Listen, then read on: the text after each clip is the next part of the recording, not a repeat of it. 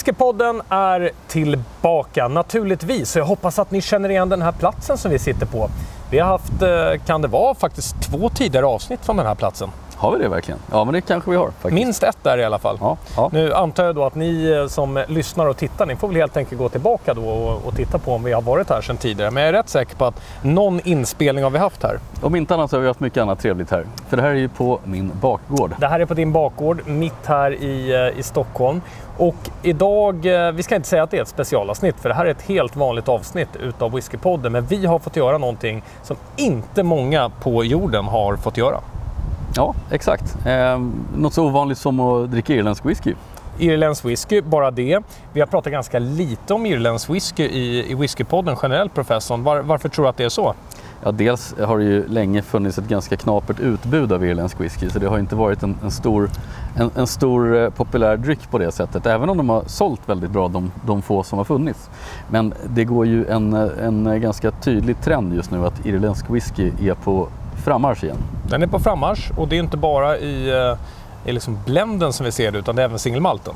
Ja, och då passar det ju väldigt bra att eh, det vi ska prata om idag är just en av de större singelmalterna från eh, Irland, nämligen Bushmills. Bushmills ska vi prata om och vi har varit på plats hos Bushmills och ni ska få se jättemycket ifrån det. Vi fick en feedback här för ett tag sedan att vi har blivit dåliga på att dra programmet.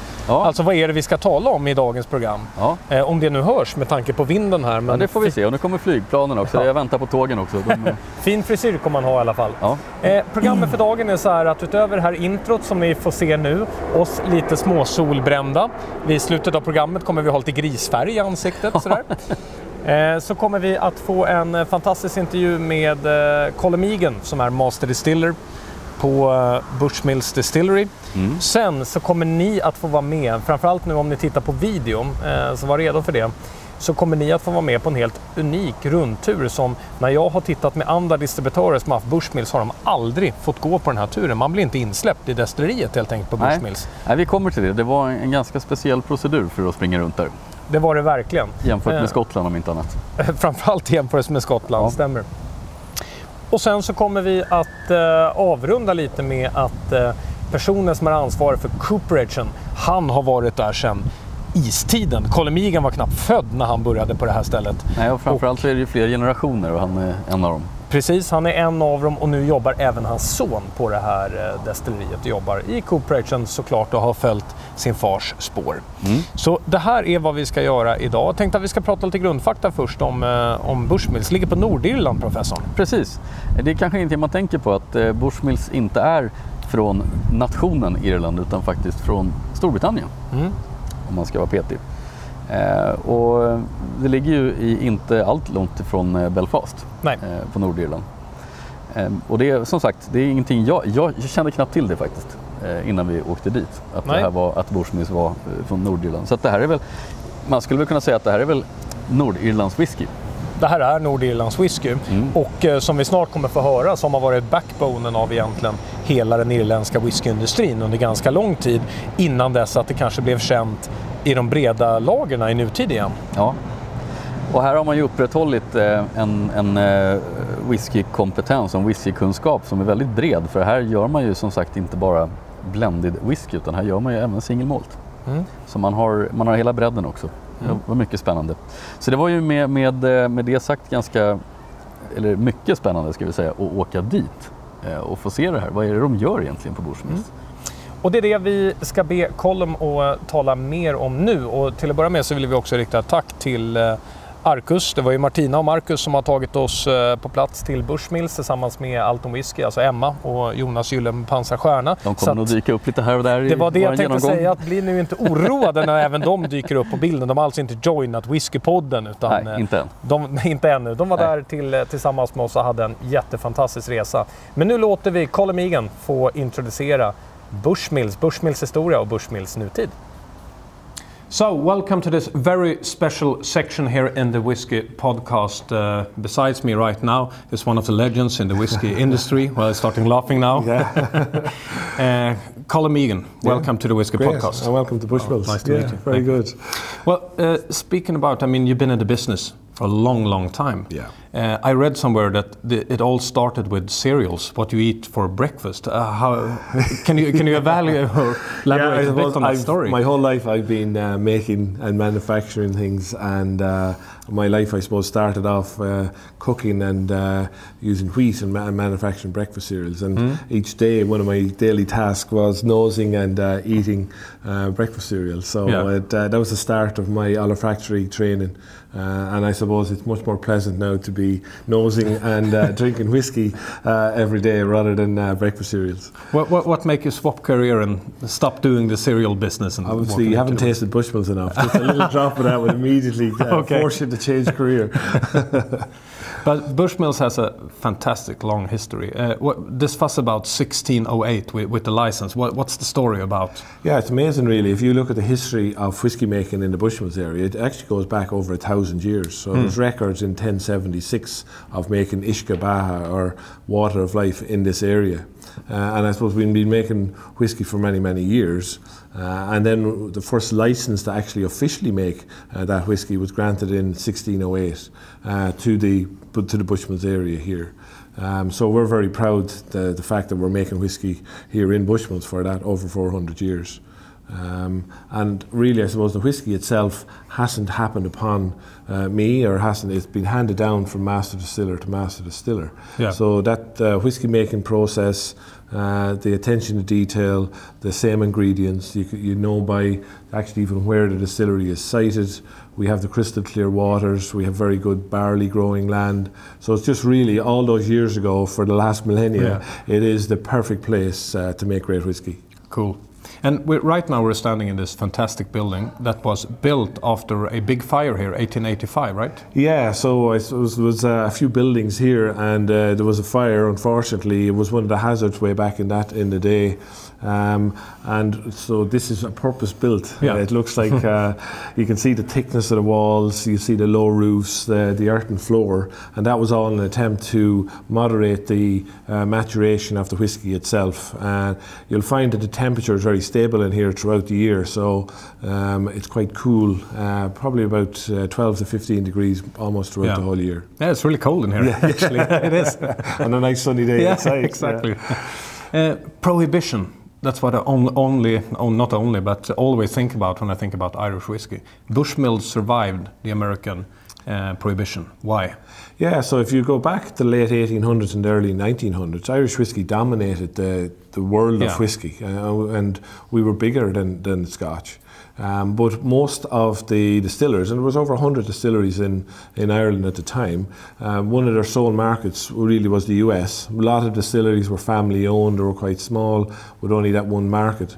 So when Prohibition came along in 1919, pretty much overnight, the, the sole market to these many, many distilleries in Ireland closed. Mm. Um, and they weren't big enough uh, or part of bigger companies to actually be able to develop newer markets. Um, so really, I like to, to, to think that Bushmill survived purely because of the taste. Yeah. Uh, and really, we survived of only two distilleries. So if you come up into the 1970s, there was only two distilleries in Ireland uh, still operational. That was that was Bushmills and um, well Bow Street Midleton, uh, which is phenomenal really when you think of the success in the uh, only within less than hundred years yeah. what has happened. Um, and I think you'll see the renaissance now uh, in the last 20 years of the Irish whisky industry. Yeah, because Irish whisky is kind of blooming again, right? Blooming. It is, it's, it's amazing. So there's 23 uh, distilleries open, uh, with a further 18 in some uh, state of development, yeah. Know, whether it's planning permission or you know some state have been built. So uh, I think that really can only enhance the whole Irish whiskey reputation. Uh, the Irish Whiskey Association was formed, really, I suppose, to protect that taste, to protect that Irish whiskey heritage, uh, and protect the, the uh, actual business going forward yeah. Uh, of making great whiskey. Good. I think that we should walk through the range that we have sure, here. Yeah. This is the range which is available in Sweden. I brought that one in front You're, of you. Great. You're privileged to have such a great range. Yeah, it is. It's a fantastic range. So I thought that we would walk through them and you can describe a bit about them. Yeah. So this is the original. I think that everyone knows this one, right? Yeah, so it's a great, so it's a great versatile whiskey. You know, it's great on its own. It's great over ice, and it's very good in cocktails as well. Yeah. It has the malt, the Bushmills malt, really at its core, which gives that nice light fruity character Mm-hmm. that really you don't get in any other Irish whiskies. Uh, we distill it three times, which gives you the smoothness here, Yeah. and you get the richness of character uh, uh, as you actually drink it itself. So you see the bells are ringing there. Yeah, so it's, it's obviously time for a, a quick little whiskey there. Yeah, why not? uh, Sláinte. Yeah, cheers. They're finished now, we can go back. yeah, so really, this is mainly matured in bourbon season barrels. Yeah. And you'll see the difference that, between Bushman's Original and Blackbush. First thing you'll see is the, the, the colour. The Yeah. colour difference is huge. So Blackbush is mainly matured in sherry season casks. So we get the vanilla caramel characters coming from the bourbon barrels Yeah. that's, that's uh, used in maturing Bushmills the Original, and you get the sherry casks. Uh, so you get the much richness of character, much more uh, emphasis on the fruity fruity notes. So each time you taste the Bushmills, what you're left with is you get this big bold uh, character that grows into a very fruity note. Yeah. Uh, and maturing in the sherry casks as a black bush, it emphasises that very much. I find when I take a sip of black bush, it almost floats in my tongue. Yeah. I get the impression. Uh, and just when it gets to the back of my throat, you get this lovely nutty sweetness that comes up. Uh, and then your whole palate then is filled with this big, bold, fruity character. Yeah, and the Blackbush, of course, is very special. It's very popular in Sweden, used in cocktails as well. But this one is 80% malt. It's a Yeah. blended with 80% malt. Very few whiskies in the world uh, that are blended whiskey Yeah. well 80% malt. Um, it, it- it's almost a whiskey for a whiskey drinker. Uh, Yeah. We don't do a huge amount of promotion. It's almost a secret that's handed from Yeah. whiskey drinker to whiskey drinker. Uh, and I think most people who like whiskey will have a bottle of Blackbush in their Yeah. Portfolio of whiskies that they drink. Well, you said that it was from person to person. Well, it's out now in the podcast. in the podcast, right? So this is the ten-year-old. Yeah, so we have uh, three single malts in Sweden. So we have the 10 year old, the 16 year old, and the 21. Yep. Uh, the 10 year old is matured in bourbon season barrels with just a few in sherry season casks. So again, uh, people will describe uh, whiskey sometimes as being malty. So the main character in the Bushmills 10 is this malty character. So it's a, a sweet cereal uh, type character, Yeah. very light, very gentle. I call it very elegant. Uh, it very it complements food very well. Yeah. Uh, if you compare that with the 16, then Mm-hmm. we're going to see the colour. Again, this is first of our aged in three woods. Yeah. So it is aged for 16 years in bourbon season barrels, 16 years in sherry season casks, and then we marry it together for six to nine months in a port cask. Hmm. Uh, so you're getting the influence of the three cask types. For me, the 16, you get this lovely warm port white sweet finish, and again that sweetness comes up, uh, and you start to get like hints of honey uh, and apple on the inside of your cheeks, and again that big bold praline milk chocolate fruity character Yeah. that just sits and clings, clings onto your palate. Sounds very nice. Oh, well, that's a little treat, you know. I Yeah. think after after meal, I don't think you can get a better whiskey. Yeah. Okay. Uh, the 21 year old, again, it's uh, three wood, so it's 21 years in sherry casks, 21 years in bourbon casks at the same time. Uh, we remove the whiskey and marry it together for two years in a Madeira cask. Yeah. So now we get much more deeper, caramelized toffee, um, raisin. So it's almost if you had a very rich fruit cake and you were to open up that uh, container of the rich fruit cake, uh, that's the initial character that you'll get in the 21. Yeah. And the 21 to me, I think, has got the best finish of any whiskey I've ever tasted.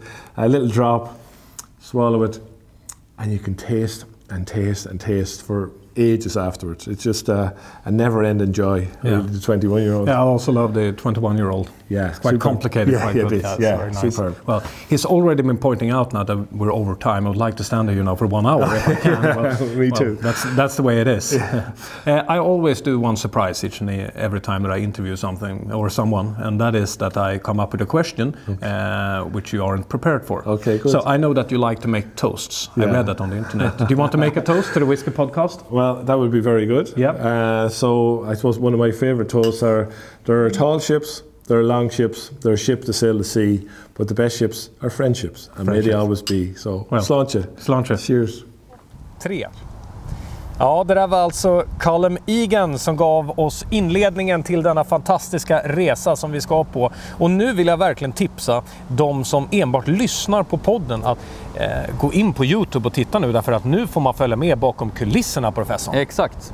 För att eh, redan här nu ser vi ju att vi har börjat den långa vandringen, eller ja, långa vet jag inte, men från parkeringen till eh, självaste destilleriet. Till parkeringen, eller från parkeringen. Men du, alltså för att komma in på det här området, ska säga att det området vi är på nu, det får du visserligen eh, komma in på. Ja, det här är ju... Men in bakom de stängda dörrarna dit vi snart ska, det var en rigorös säkerhetsgenomgång.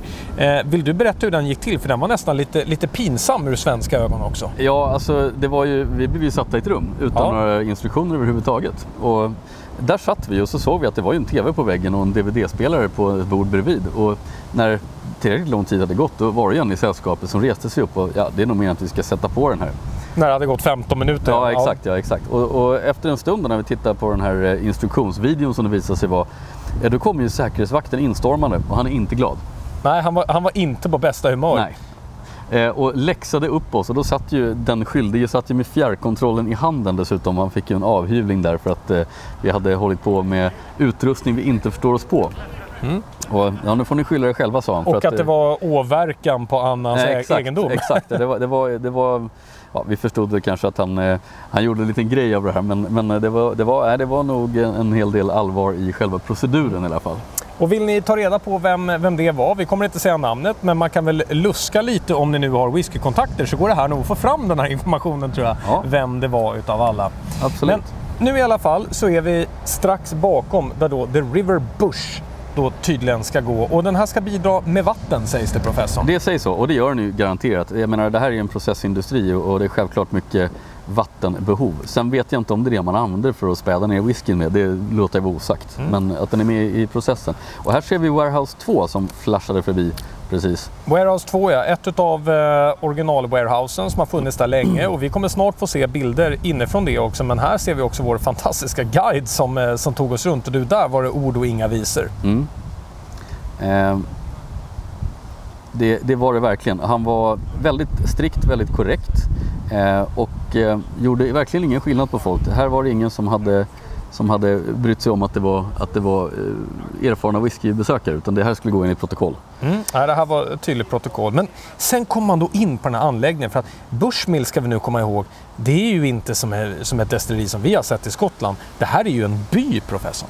Alltså det är enorma områden. Du har trafikerade leder som har eh, hastighetsbegränsningar och rutor där du ska gå och allting. Hur blev det så? Ja, det, det, är ju som sagt, det här är mer industri än eh, ett klassiskt destilleri. Men de har ändå behållit det ganska fint. Vi ser ju här till exempel den här eh, mäsktunnan som, som gick förbi här. Som de har delat i, i två här för att, att, vara pedagogiska och visa hur processen ser ut inuti. Mm. Även om vi nu ser att nu går vi över på någonting som ser mer industriellt ut. Det är rostfritt, det är mycket rör och grejer.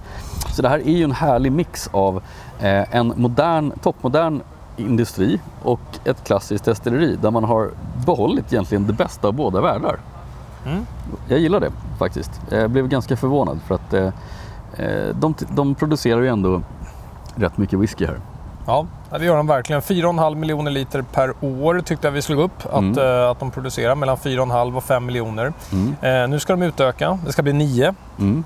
Fick vi höra. Och frågan är om det, om det stannar där därför att det verkar finnas en, ett oerhört behov av Bushmills whisky just nu ja. världen över. De hade ju över 20 warehouses där de lagrar whiskyn och ska bygga 20, eh, över 20 till. Ja. Så det här är på expansion och det syns på efterfrågan. Nu ser vi ju eh, jäskaren här, eller, mm. eller washbacken, eh, som, som, eh, där man då jäser det hela som ska destilleras. Och de har inte så lång jästid där. De, eh, jag kommer inte ihåg exakt om det var 50 eller 60 timmar men, men det, var inte, det var inte jättemycket. Nej, var inte. Och här i bakgrunden nu som vi ser de här bilderna då. Eh, det är ju från originalet, alltså så som det såg ut från, eh, från första början. Men även nu när man kliver in då i nästa rum och tittar här på själva destilleringen. Det allra heligaste. Ja, mm du nämnde tidigare att du sa att det ser ju ändå väldigt, väldigt klassiskt ut. Hade man haft en svartvit bild på det här hade det sett ut som på bilderna. Absolut. Det, det, det här är, har de inte gjort jättemycket. De har adderat styr, eh, styrelektronik och styrdatorer naturligtvis. Men, men pannorna är superklassiska kopparpannor. Inga konstigheter där. Det är ju eh, trippeldestillering Mm. Eh, och det kommer vi ju se för att det finns då alltså inte två typer av pannor utan tre typer. Det finns både en, en eh wash still, en low wines still och en spirit still så att man kan destillera tre gånger. Mm. Va, va, vad innebär då, då för de som lyssnar, vad är en trippeldestillering egentligen? Ja, det innebär egentligen att man, man gör vanlig skotsk whisky, det vill säga destillerar två gånger, men sen destillerar man en gång till upp till uh, uppåt 90 procent. Mm. Och vad, vad, vad, ger det med själva vätskan då om man säger så? Det blir en mycket renare vätska. Eh, tappar naturligtvis mycket av smak, grundsmaken också, så det blir en tunnare mm. vätska. Men eh, det märker man ju i slutprodukten att det vänder dem till sin fördel snarare än nackdel. Eh, och det tycker jag är rätt intressant. Så det, det är inte så att skottarna nödvändigtvis har rätt helt och hållet här. Och det ska vi prata mer om sen, just det här med trippeldestillering eller vilka produkter de har. Men nu eh, när vi ser på bilden här så får du komma in på ett väldigt speciellt område. Här sa de att ni, ni går på egen risk. Eh, trillar ni och faller mot den där, då brinner ni upp. Ja, det var alltså väldigt, väldigt varmt att stå så här nära pannorna och även de här rören var hyfsat varma ska jag säga. Så att man var ju lite nervös att stöta till något av det här för man skulle nog bränt sig ganska duktigt. Mm. Och jag antar att du kände för att putta Gyllenpansar stjärna där. Men, ja, eh, men jag, det, jag kom inte åt. Det, det, du kom inte åt? Det hade kunnat finnas bildbevis tänkte jag, men du, bara, du kom inte åt helt enkelt. Nej. Och det ni såg där strax innan var ju det här otroliga kontrollrummet där det då var tempererat med, om jag inte minns fel, om det var 18,5 eller 19,5 grader. Mm. Som de hade temperering där i. Och det ska eh, gudarna veta, det var det inte här vid pannorna. Där var det inte 18 grader. Nej, det var oerhört varmt inne i det här mm. rummet. Vi kommer se, vi kommer se kontrollrummet eh, om en liten stund här. Mm. Eh, nu Just faktiskt. Det. Nu får vi, faktiskt en bild av det. Där vi också har de väldigt klassiska Spirit Safen. De står där. Mm. Men sen så har vi själva kontrollen som kommer här nu fram till höger och den är ju väldigt, väldigt datagjord. Ja, exakt. Där ser man att de har ju, det är en modern processstyrning de har. Vilket naturligtvis är bra för att annars är det ju upp till att de gör likadant manuellt varje gång och det vet vi att just vi människor är inte så bra på det där. Nu fick vi faktiskt inte se själva datakontrollen där. Eh, har vi även filmat inuti. Det här är ju väldigt unikt. Eh, det nämnde ju Bushmills själva att det här är ju inte en tur som vem som helst får. Nej, här får man inte springa in eh, hur som helst. Det var de väldigt tydliga med. Och vi hade ju skyddsvästar, eh, strikta förordningar vad vi fick göra och inte göra. Eh, men, eh, men vi klarade oss, vi överlevde. Mm. Även, även vi klarade oss. Exakt. Och sen, det är ju det här som nu är så fascinerande. Nu är vi på väg ut här igen. Eh, därför nu ska vi gå och titta på buteljeringslinan. Mm, och också eh, fathanteringen som också är en lina. Eh, men eh, det här var ändå fascinerande just om man tittar nu här att man ser ju hur de här vägarna faktiskt går här fram och tillbaka. Det vill säga att nu ska vi gå på ett övergångsställe mitt inne på området. Ja. Eh, För mig så är det här väldigt engelskt snarare än skotskt. För i Skottland mm. så är det lite happy-go-lucky på destillerierna om man ska vara ärlig med, med, regler och säkerhet. Men här är det väldigt engelskt. Det är ja. mycket skyltar, mycket gå på den streckade linjen och sådana mm. saker. Så att det märks att de kanske har ett litet annat arv. Jag har en känsla av att det inte är riktigt så på resten av Irland, skulle jag tro. Eh, men, eh, men här är det väldigt engelskt allting. Kan det vara. Här ser ni återigen vår fantastiska guide som studsar upp på varje plats och sen mm. visar tydligt med handen hit ska ni. Ja, exakt. Han, han är faktiskt en av mina nya idoler måste jag säga. Ja, Ja, han, han var väldigt, eh, väldigt speciell, väldigt, väldigt rutinerad också för att vara, för att ja, vara så pass... har ett, ett fläckfritt sätt att genomföra saker. Fläckfritt är ett mycket bra, ja. en mycket bra beskrivning här. Mm. Mm. Det, det, som nu är häftigt här är ju att eh, det här händer ju inte på alla destillerier. Men här har vi nu, nu såg jag också att jag klappade Marcus där på ryggen. Vi var tydligen väldigt överens om någonting här. Ja, ja. Mm. Men det som är lite häftigt på det här stället är att de gör ju allt själva. Ja. Professorn. Och vi kommer ju gå in till Cooperation själv. Men det är inte många som gör alla delar själva idag. Nej, det är det inte. Och här ser vi ju linan med fat, alltså försörjningslinan där de helt enkelt transporterar fat för påfyllning. Och då ser vi att även här har de ju robotar eh, som jobbar med det här. Men vi kan se i bakgrunden där kan vi faktiskt se någon som står och hamrar på eh, ett fat också. Mm, exakt. Mm, jag undrar om inte det kan ha varit Alistair, jag kan inte se det riktigt här. Men, men eh, nej, så här, är ju, här börjar vi se mm, att... Det verkar bara skilja 50 år mellan honom och Alistair i och för sig. Ja, det där var någon annan kanske. Men, eh, men här ser vi också, nu är vi inne i industridelen, nu är det fabrik. Mm. Och här får vi se då hela core-rangen som de har på, på Bushmills med eh, Blended som är Red Bush, Black Bush och som du sa nyss White Bush. Den som egentligen inte heter White Bush då som är vanliga. Den, den heter ju Bushmills Original. Mm. Eh, men, men, men, ska vi ta och tala lite om dem nu så att eh, vi inte tappar tråden helt? För menar, folk kan ju se på bilderna själva här vad vi, vad vi tittar på. Ja. Eh, den här rangen då, vi hade ju en jätte, jätterolig provning när vi där naturligtvis och kör hela rangen. Mm. Eh, en första reflektion är ju att eh, det är ju inte så många brands som både har en så stark blended-lina och en så stark single malt-lina. Nej, det är det verkligen inte och framförallt inte under samma varumärke. Nej. Det är väldigt ovanligt skulle jag påstå. Eh, jag undrar om det, är, om det egentligen är några som har det förutom Bushmills, om mm. man ska tänka efter. Det är många av de stora destillerierna som levererar till blended-industrin, men det är få som gör under samma varumärke. Eh, och då kan man ju tänka, nej men inte det är lite riskabelt att man kör blended whisky med samma brand som single malt. Men då måste nog jag faktiskt komma till Bushmills försvar och säga att eh, de flesta av deras blended releaser är jättebra. De har ingenting att vara rädda för. Nej, det, nej, men där håller jag helt med dig. Och eh, nu sa vi inte det inledningsvis då, men eh, ni som eh, har tittat då, ni kan ju se att vi hade ju en flaska framställd som mm. jag inte tror att så många i Sverige har sett. Och det var den första vi hade i provningen. Det är eh, The Red Bush. Mm. Vi ska prata om den när vi är klara med genomgången här. Nu är vi nere på flasklinan här, mm. där, alltså, där man helt enkelt eh, paketerar, troligen också fyller flaskorna. Eh, och även slutpaketera dem i kartonger för uttransport. Och det här ser ju närmast ut som en sån här rolig fabriksgenomgång från Discovery Channel eller någonting. Eller ett postkontor. Ja, eller ett postkontor. det är väldigt industrialiserat. Ehm, och, och, återigen, jag har inga problem med det för att det här är inte en process som, som eh, blir bättre av att man gör den hantverksmässigt. Nej, eh, och, och därav så behöver den inte heller se ut så. Nej. Naturligtvis. Så att eh, moderna saker på rätt ställe, jag gillar det eh, tänket. Det är lite, inte helt olikt om man ska dra en parallell till Loch Lomond faktiskt, mm. som också har lite samma tänk. Eh, ja, och det är klart, det här var ju ganska fascinerande att titta på. Det är lite så nästan trollbindande att se det här löpande bandet mm. som kommer med flaskor. Jag, jag, vet också här, det vet ju inte tittarna, men eh, nu precis bakom hörnet här så fastnar ju ni i tio minuter när vi står och väntar på er utanför. Här. Ja, vi tittar ju på flaskorna. Mm. Jag vet, de ser likadana ut hela tiden. Det, det kanske inte har märkt. Ja, ja, men det är det som är lite sådär sövande nästan. Kanske inte de som jobbar på bandet håller med om. Men här ser vi ju kommer långa rader med Bushmills. Och det här är väl original, ser det ut som. Som ramlar ut här. Storsäljaren. Mm. Vilket jag tycker är lite konstigt jag ska väl. Den är, den är inte den bästa de har. Inte den billigaste heller. Man Nej. kan ju undra varför. Var det inte det du sa att vi skulle återkomma till? Jo, exakt. Mm. Du tystade precis mig och nu skulle du själv hoppa in i den här dialogen. Ja, det är viktigt. Man ska alltid lyssna på professorn. Här var det viktiga regler för att här skulle vi gå först 25 meter vänster upp för att sen ta 40 eh, meter rakt ner för att komma till den platsen ni ser precis på andra sidan där. Men det var så de streckade linjerna gick. Exakt, och det måste vi följa, de streckade linjerna. Hur skulle det annars se ut? Det, det, är ju kul det här stället fortfarande för att även om det är en, eh, en industri i och med att man har byggnaderna som både, även de nya byggnaderna idag, är ju byggda så som eh, de i princip var gjorda på 1800-talet vilket gör att det, det ger en ganska gemytlig känsla. Så Det gör det verkligen.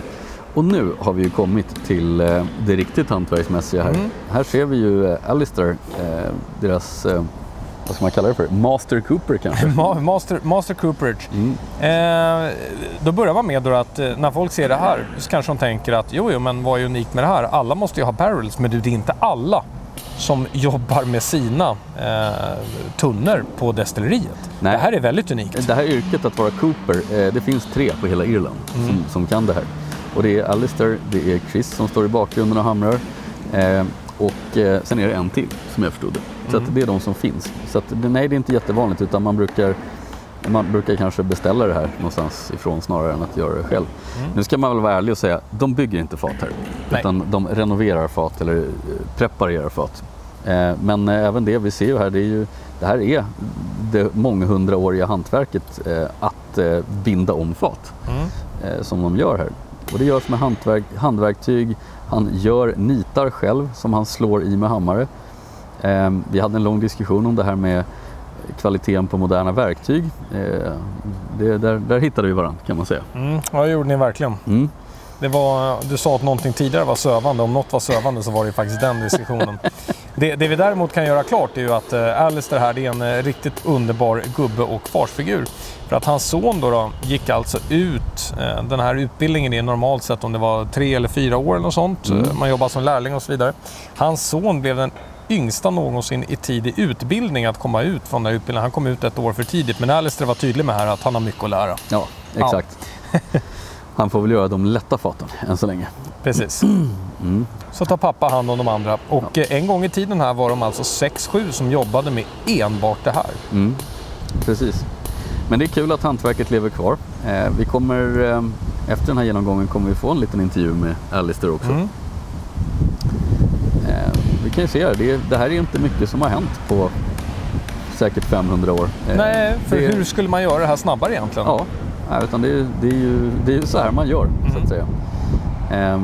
Fantastiskt egentligen att man i ett sånt här manuellt jobb kan eh, trots allt få det att funka. Verkligen. Ja, och nu, och... Eh, nu, nu tog videon slut. Ja, Kanske vi, ni har märkt där också. Nu är vi tillbaks i bild. Ja, nu är vi tillbaks i bild. Va, vad ska vi börja med då? Ska vi prata om rangen nu då? Ja, men jag tänker det. Innan det vi hoppar in till Alistair. Det är väl ganska bra. Så vi hade en jätterolig provning då, då med, eh, med Bushmills eh, på plats. Och jag vill bara skicka med till dem att trots nu, nu har vi pratat om massor av säkerhetsgenomgångar och grejer. Men det var otroligt med tanke på att de är inte så vana att ha folk eh, inne i just de här eh, täta lokalerna. Det märkte man överallt vi kom att de var så glada bara att någon kom och talade med dem. Ja. Och var intresserade av vad de gjorde, framförallt eh, här, men också provningen mm. var jätterolig. Och vi började då med att eh, vi provade Blended-serien då, då, och det är ju Red Bush, det är Bushmills Original och så är det Black Bush. Mm. Professorn, dina kommentarer? Ja, alltså på den här grundserien, det är ju, det är ju blended whisky som sagt. Och jag har ju druckit eh, alla de här utom Red Bush, mm. ska vi säga, tidigare. Och har väl inte varit jättefascinerad. Men jag upptäckte ju att när vi provade dem så här avskilt och i lugn och ro och inte på en stojig mässmonter där de mest spelar technomusik. Som ju tyvärr brukar vara deras approach för att sälja det här eh, på mässorna. Eh, så var ju Black Bush överraskande bra. Alltså den var riktigt bra. Men den stora skrällen det var den vi har framför oss här, mm. Red Bush, Red som är Bush, ja. den billigaste. Som jag tror på destilleriet, vad kostade den? 24 pund eller någonting? 24 pund, eh, så här ser den ut. Red Bush. Det ja. har diskuterats att ta in den till Sverige. Får vi skicka någonting till eh, Arcus, Martina och Marcus skulle jag säga, ta in den. Ta in den. Ja. Det är det vi har i glasen faktiskt. Och det här är ju en utmärkt sommarwhisky. Ja, det är det verkligen. Spektakulärt trevlig sommarwhisky faktiskt. Har jättetrevlig fruktighet. Eh, nötter för de som då kan känna dem. Inte professorn då Nej. alltså. Eh, och får ju till de här jättevackra eh, äppelskalen som faktiskt mm. kommer fram även i, i singelmalten vid, vid hög ålder fast då betydligt mycket mer balanserad då vid den, mm. vid den tidpunkten. Nej, och tack, tack vare det jag tror är trippeldestilleringen så är det ju ingen dålig sprit i den här överhuvudtaget. Även om den här är ung. Jag minns inte vad de sa nu men den är inte mycket mer än fyra år kanske. Nej, och visst, det, det, kommer igenom att den, är, att den är ung, men den är så... Vi har uttryckt det tidigare som välmaskerad. Här skulle jag bara vilja säga den är så pass bra gjord bara. Ja, därför det finns eh. ingenting att maskera med. Det här är så lätta smaker eh, och, och, nyanser så att det, det, finns ingen rök eller något annat otäckt som de kan gömma dålig sprit med. Mm. Utan det här är bra sprit. Det är så enkelt det är. Det roliga är att eh, jag tror att, eh, att gänget genomgående var imponerade av Red Bush och var imponerade av Black Bush och var lite mer besviken när det kom till eh, Original. Bushmills Original. Ja, och där delar jag det för att jag tycker den är varken hackad eller malen. Alltså, den är ju i pris, alltså prismässigt så är väl den är inte den till och med dyrast av de tre? Jo. Original? Ja, eller, eller var Black Bushen lite dyrare Black kanske? De, de ligger ja. mer i samma mm. prissegment, är en känsla i alla fall. Eh, och Black Bushen, den, den, har ju ändå en, en rätt egen karaktär. Den är ju lite the bad boy of the blended här. Eh, medan original, den, är, känns ganska slätstruken och, och inte liksom spännande på något sätt. Eh, Sen också såklart den avgörande skillnaden är ju hur stor maltandel man har i varje. Ja, absolut. Och i den här var det ju var det ganska lite va? Eh, nu minns inte jag siffrorna tyvärr, rakt av. Nej, var, vi kan säga i alla fall att de, de gick ju i, i den ordningen då. Ja, men Black Bushen var ju, var ju ganska mycket malt. Ja, den var ju mycket. Det var ju 70 eller 80 procent ja, som var exakt. malt i den då. Nej, men ändå imponerande med denna, med denna blended-serie. Eh, och där eh, Red Bushen framförallt stack ut eh, som den stora vinnaren. Och då, då, säger jag inte vinnare kanske möjligtvis smakmässigt, men den stack ut för alla som var där, för ingen hade någon förväntan på Red Bush. Nej, den, eh. den överraskade väldigt positivt och tittar man på prisprestanda så kanske det var en vinnare faktiskt. Mm. Och eh, Black Bush förstår jag absolut varför man inte bara dricker ren utan också gör drinkar på. Den har en mm. väldigt fin eh, sötmabalans, eller hur? Mm, det har den. Eh, och är betydligt mer drickbar än jag minns den också, mm. ska man säga. Och sen gick vi över då på, på singelmalten och jag kommer nu att, eh, att faktiskt hålla mig borta från. Vi drack även en specialare där som är unik för destilleriet. Den 12-åriga som bara finns där. Mm. Mm. Men jag ska faktiskt eh, hålla mig borta från den så tänkte jag att vi ska eh, tala om grundrangen istället. För att mm. vi har blivit ganska bekanta med den. Vi har haft mer än ett antal gånger på, på scenerna också. Göteborg, Malmö, Uppsala också tror jag. Mm. Eh, vad är din bild utav deras standardrange? Otroligt bra singelmalt. Eh, lika överraskande bra varje gång. Jag är kanske inte någon stor konnässör av 10 eh, men 16 och 21 har vi druckit mm. åtskilliga gånger och blir varje gång lika chockade nästan över hur bra singelmålt det här är. Mm. Tian är inget fel på heller. Men... Va, va, vad är det som sticker ut då? Alltså vad gör de här unika? Det som först, först och främst sticker ut är att man tenderar ju till att jämföra med Black Bush och original kanske. Och sen tänker man så här, jaha, så det här är åldersbestämd samma whisky som vi drack nyss. Men det är det ju inte, det här är ju en singelmål till att börja med. Eh, men det är lätt att liksom tänka bort det. Bushmills, ja det är dussin whisky från Irland, sån där blended eh, grejer. Men, men, eh, men man blir ju påmind så fort man smakar på 16, smakar på 21, att det har sån karaktär. Det är trippeldestillerat, men det har sån enorm karaktär de här, de här äldre Bushmills. Mm. Och även tian. Eh, absolut inget fel på tian, även om jag kanske personligen skulle föredra några år till på den. Mm. Du hade väl haft den som en 12 eller 14? Ja, ja 12 som till exempel de har på destilleriet, mm. den, den, var, den var också överraskande bra. Mm. Eh. Sen, sen, har ju de, de har ju lite roliga finish också och det tror jag att många glömmer bort i och med att man tänker på det här med trippeldestillering och allting. Mm. Men man har roliga finish på både 16 och, eh, och 21 här. Det har man. Eh, det, är ju, det är ju olika finish framförallt, mm. så det är inte samma finish. Eh, nu ska jag vilja säga att så här i sommarvärmen, jag har ingen aning om längre vad det är för finish, men den ena är port, eh, port och den andra är sherry. Mm. Eh, så är det. Och det är 16 som är port ja. och 21 som är sherry. Titta, jag fick ihop det till slut. Mm. Och det ger ju en väldigt, eh, väldigt olika karaktär. Men, men särskilt 16 är ju väldigt speciell med sin, med sin portfinish mm. och sticker ut eh, kanske lite grann. Men, men, det är också en port som, eh, utan för att gå ner på alldeles mycket detaljer här, så vissa har ju extrema problem med portfinish. Mm. Uh, och jag upplever att 16 är faktiskt även mer mjuk för de som har problem med portfinish. För jag tror inte att alla sätter att det är en portfinish på den. Nej, och jag tror att det beror, det beror nog till stor del på att det inte bara eh, alltså, det är inte så lång, det är inte så stor portfinish, så ska vi säga.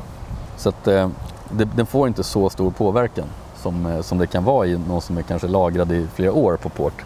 För det, det är inte 16 som jag upplever det. Och då blir det den här touchen som är väldigt, väldigt trevlig i en whisky som i sig säkert inte skulle behöva någon portfinish heller. Och eh, 21 då, den eh, vann bästa whisky i eh, Göteborg 2018. I år så tog den hem pris för bästa över 18 år, eller om det var över 17 år, mm. eh, som den också vann. Är den värdig vinnare? Absolut. Den, den slåss alltså i ett segment mot Highland Park i, eh, i samma ålder. Den slåss mm. mot Eximenta Bowmore i samma ålder, Macallan och så vidare. Och här går eh, Bushmills och vinner det här. Och det är precis det här jag menar med att man är lika chockad varje gång. Den är så bra. Mm. Det är så enkelt. Det är en, det är en whisky som jag personligen eh, vill ha och har på hyllan. Jag, jag, den, den hör hemma där, jag dricker den gärna. Det är inte, det är inte en, en, liksom en whisky man testar, ja den här var väl god och sen så glömmer man bort den, utan den är så bra. Mm. Helt annan karaktär ska vi vara klara över. Det är inte en, en uh, Isla whisky eller en ö-whisky eller en, en, en, typisk karaktär från Skottland, utan det är sin egen karaktär. Men oj, vilken komplex eh, bra vätska det är. Men sen undrar man ju alltid lite hur det fungerar då med, med smaker och så här, för att eh, det är såklart så att väldigt mycket av det vi har runt omkring oss bestämmer ju vad vi tycker och tänker om smaken. Det finns en viss värdering inkopplad där också naturligtvis. Mm. Eh, vill jag bara skicka med det att i Göteborg så var det ju alltså så att året den vann, eh, då hade man eh, 30 olika whiskys i den här kategorin och det är i princip alla de kända som man känner till. Mm. Men de hade ingen aning om vad det var de drack och då Nej. tog de fram Bushmill 21. Och jag tror att eh, tyvärr att hade det stått Bushmills på glaset eller på flaskan som de hade fått se så hade den inte vunnit.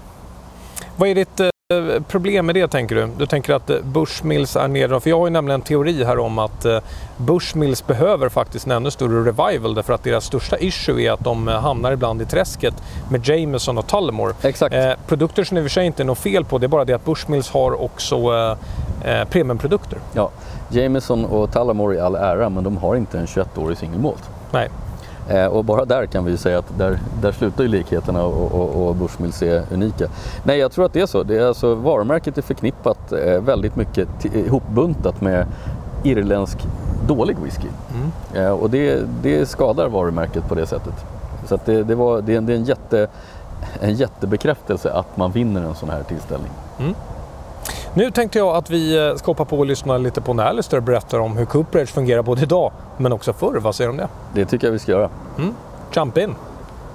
So now it's my turn to be here in warehouse number two at Bushmills and I'm standing here with a very special person. It's uh, Alistair, what's your last name? Kean. Kean, Alistair Kean.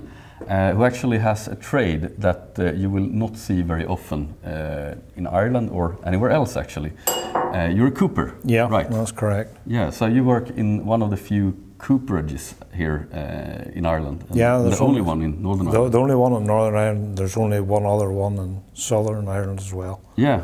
So it, again, it's a very special person, a very special trade. Can you tell me a bit what what are you doing uh, when you work in a cooperage? And and the cooperage in here in Bushmills has always been a repair. So we're not actually new building any casks at all. You know, so the bars are brought in, and then we inspect them, and if there are any broken staves, bust ends, or hoops, and need, you know that needs replacing, we fix all that before they go into the warehousing. So then it saves any bother, you know, looking for leakers and stuff like that while they're in the warehouses. But it's all it's always been repair here in Bushmills. Yeah. So do you every single barrel that comes here does it go through the cooperage or is it just the we broken check, ones? There's whenever they come in off the containers, we check them. Yeah. And if there's ones that needs something done to them, we mark them, and then they're brought down onto the cooperage, and then they're fixed and then sent back out again. So you would say that each and every barrel here at Bushmills, you have at least seen it. Yeah. Oh, that's yeah. that's quite impressive. So it's a lot of barrels uh, going on each uh, each year, yeah, passing your, uh, your eyes. Yeah, getting bigger and bigger all the time. Yeah, and for uh, for a while you were the only Cooper. Yeah, I was down down to just one. Yeah, and that was the the whole only one person left in the north and two in the south. And that yeah. was it for the whole island. So it was actually a, an actual risk that uh, this trade would, would go out of, of uh, go, go down in history like no no more Coopers. Yeah, that's right. Whenever yeah. I started, there was ten. Yeah. So that's that's how it went down over the years, you know. Yeah, but it's looking slightly better now because you have got uh, uh, you, you, have got another one now. Who is that? Yeah, it's my son. Yeah, uh, uh Christopher. He started, and that's the fourth generation of the family. So the fourth generation yeah. Cooper. Uh, so that's impressive. Oh, it's takes it's took on a fair lot of time if you count it up. Yeah, I think the last I think the family's been doing it for hundred and forty odd years. 140 years. So you really know your trade, uh, obviously. Yeah. Well, it should, should stick by now. so how long does it take to learn this trade? Well, four to five years yeah. is the actual apprenticeship. Yeah. But then it's the rest of your life after that, like.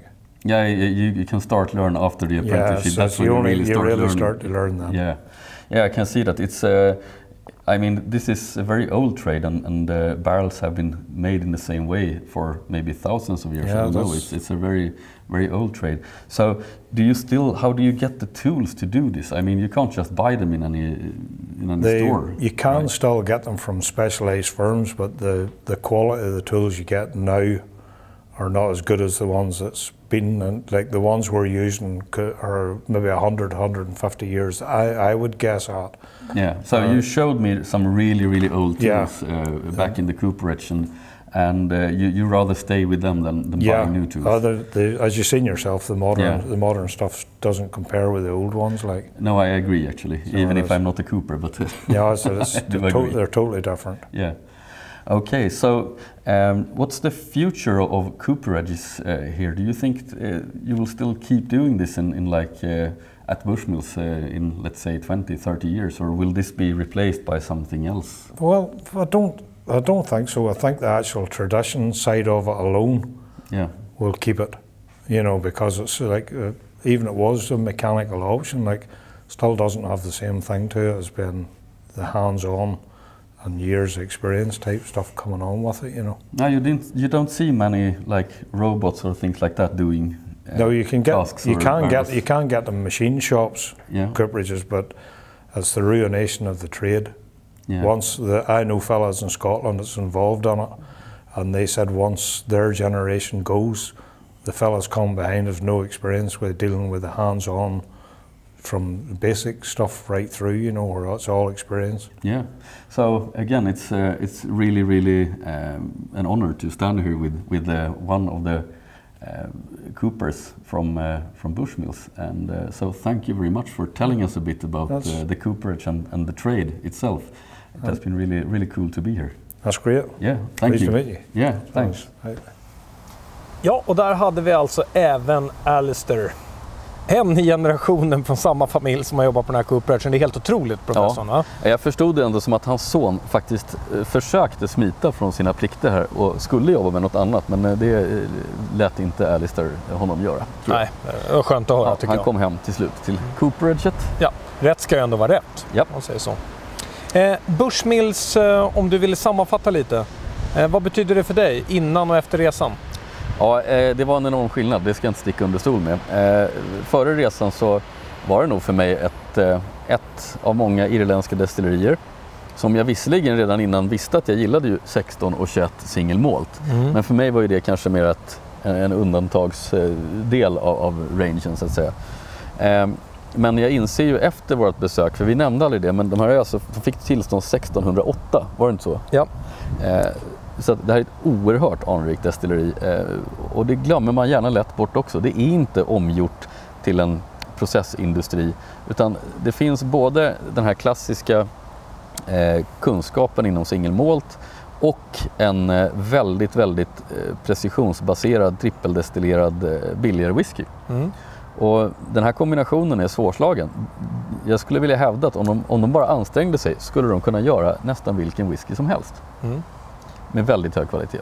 Så att, och, och det här, det var en, lite grann en aha-upplevelse att få se. Du då? Bra, det var, det var finish där. Ja, det var finish där. Nej, men man, man får inte glömma bort såklart att det gäller ju att addera det här med, eh, med känsla och hjärta också Mm. eh, i det hela. Och det här är ett, eh, det är ett speciellt ställe. Eh, som du sa, att det påminner inte om någonting som man har sett på, eh, på Skottland. Av sin olika historik så, så ser det här destilleriet ut som, eh, som det gör idag. Mm. Och man är oerhört eh, stolt och det är en stor verksamhet. Det är som att vara inne i en liten stad som arbetar på den här platsen. Mm. Eh, där man inte sticker under stolen med att, att säkerhet från både externa hot och interna hot om man säger så.